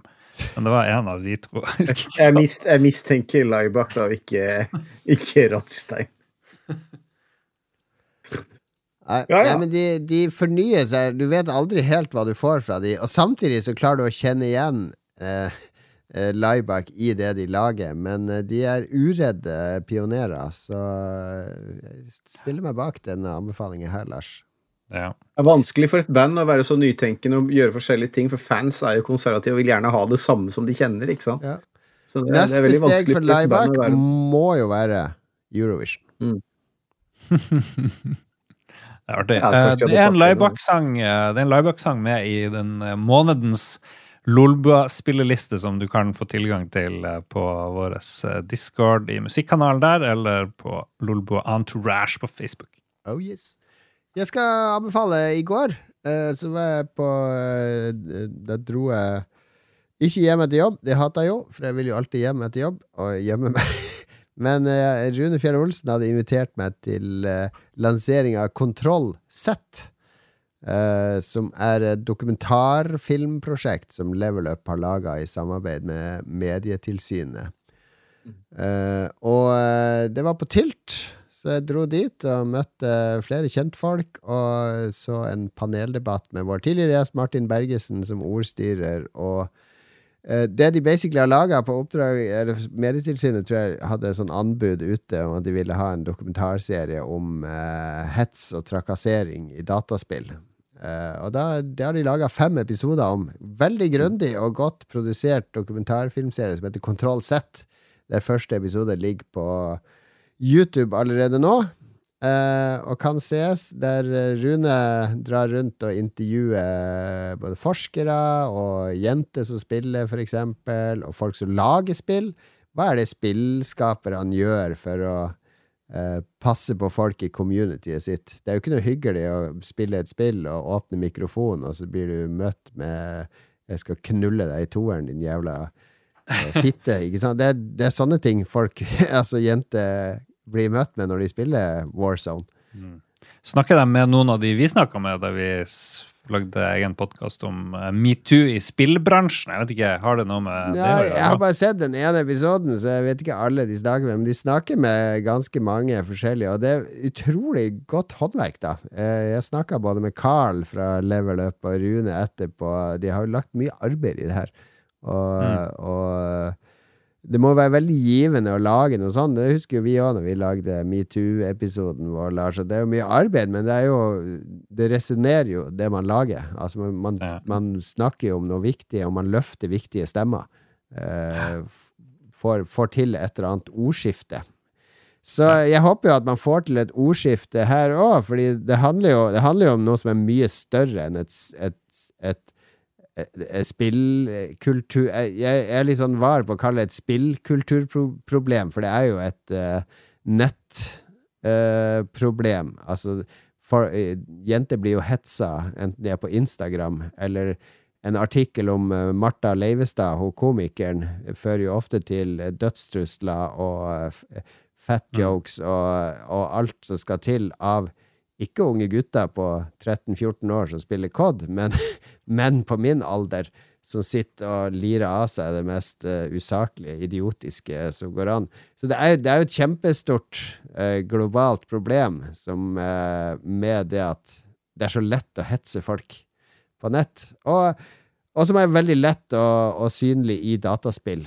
Fordi du, du skal ikke Du går inn i Warzone, og så det, kommer det i chatten eh, 'Press one if you're racist', og så kommer det en Ja. haug med entall Ja. opp, ikke sant? Det er så mye sånn subtil Eller ikke subtil, det er så mye sånn blatant toxic, uh, giftig uh, edgy oppførsel som ingen voksne setter ned foten og sier 'vet du hva', kan ikke dere være litt greie?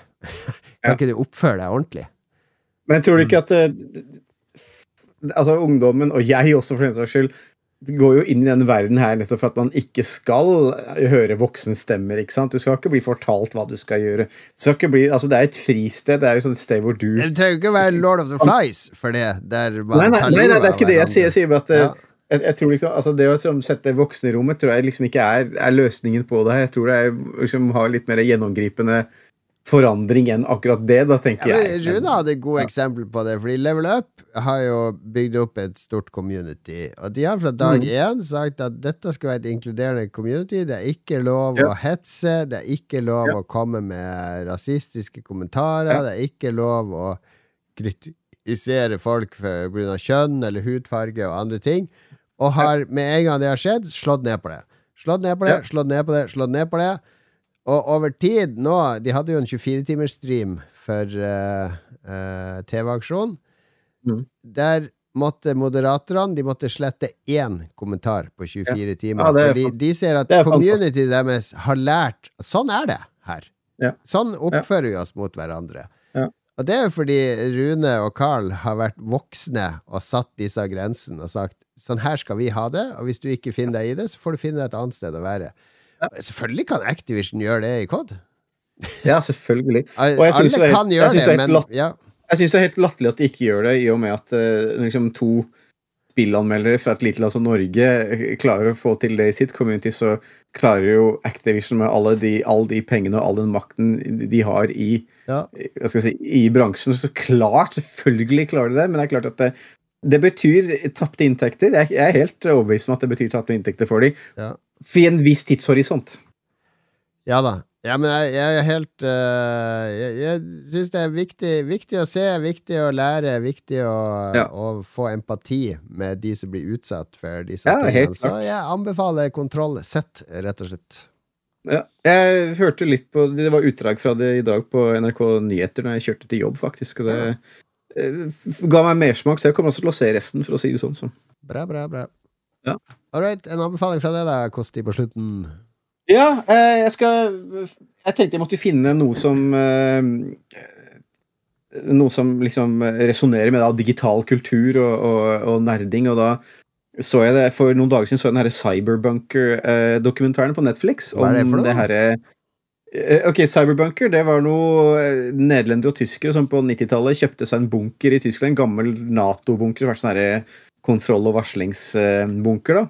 Ja. Eh, og de kjøpte den fordi Nato var jo downscaling mode, ikke sant, og russerne var venner, og det var ikke noe behov for den lenger. Så de, de noen tyskere kjøpte den, og så lagde de sin egen sånn herre Altså, det er jo internett, internet og kryptoanarkister vi snakker om her, da. ja. Som ville lage sin egen stat inni den her bunkeren. De tulla med å lage sine egne pass og eget flagg. og, og liksom eh, det, det førte jo til at det, det var masse ulovlige eh, organisasjoner da, eller som dreiv med ulovlige ting, som lagra deres sensitive ting på deres Yes. servere, og det var jo alt dere kan tenke dere av det styggeste som finnes.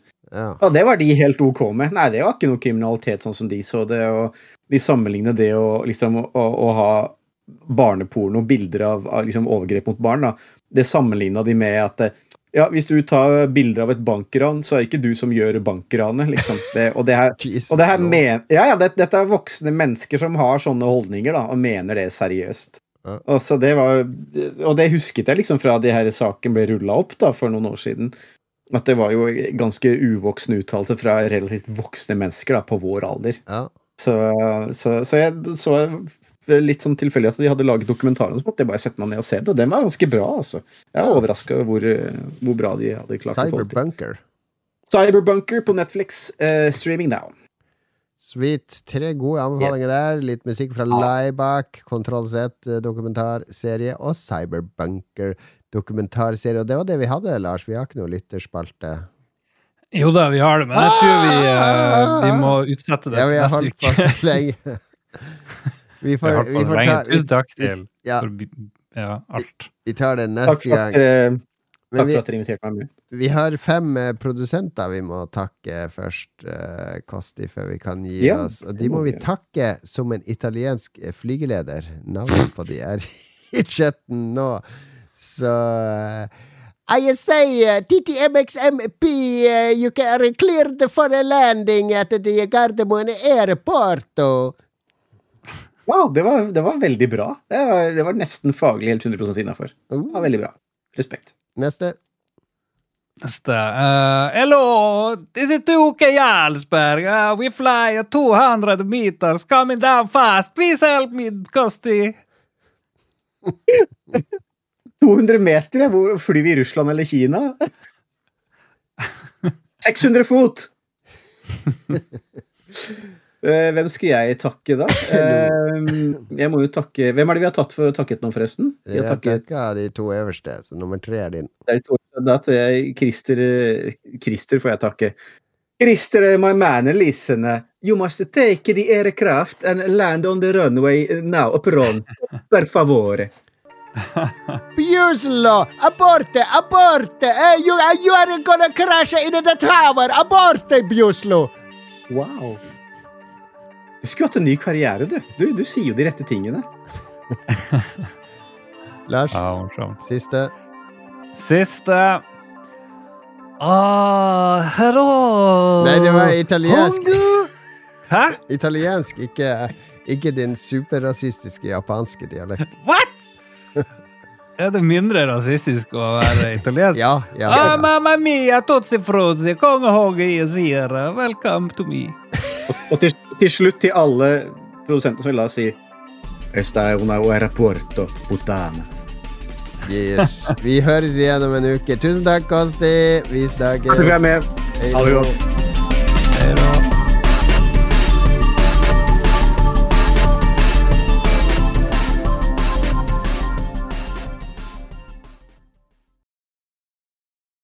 Har du et enkeltpersonforetak eller en liten bedrift? Da er du sikkert lei av å høre meg snakke om hvor enkelt det er med kvitteringer og bilag i fiken, så vi eh, gir oss her, vi. Fordi vi liker enkelt. Fiken superenkelt regnskap.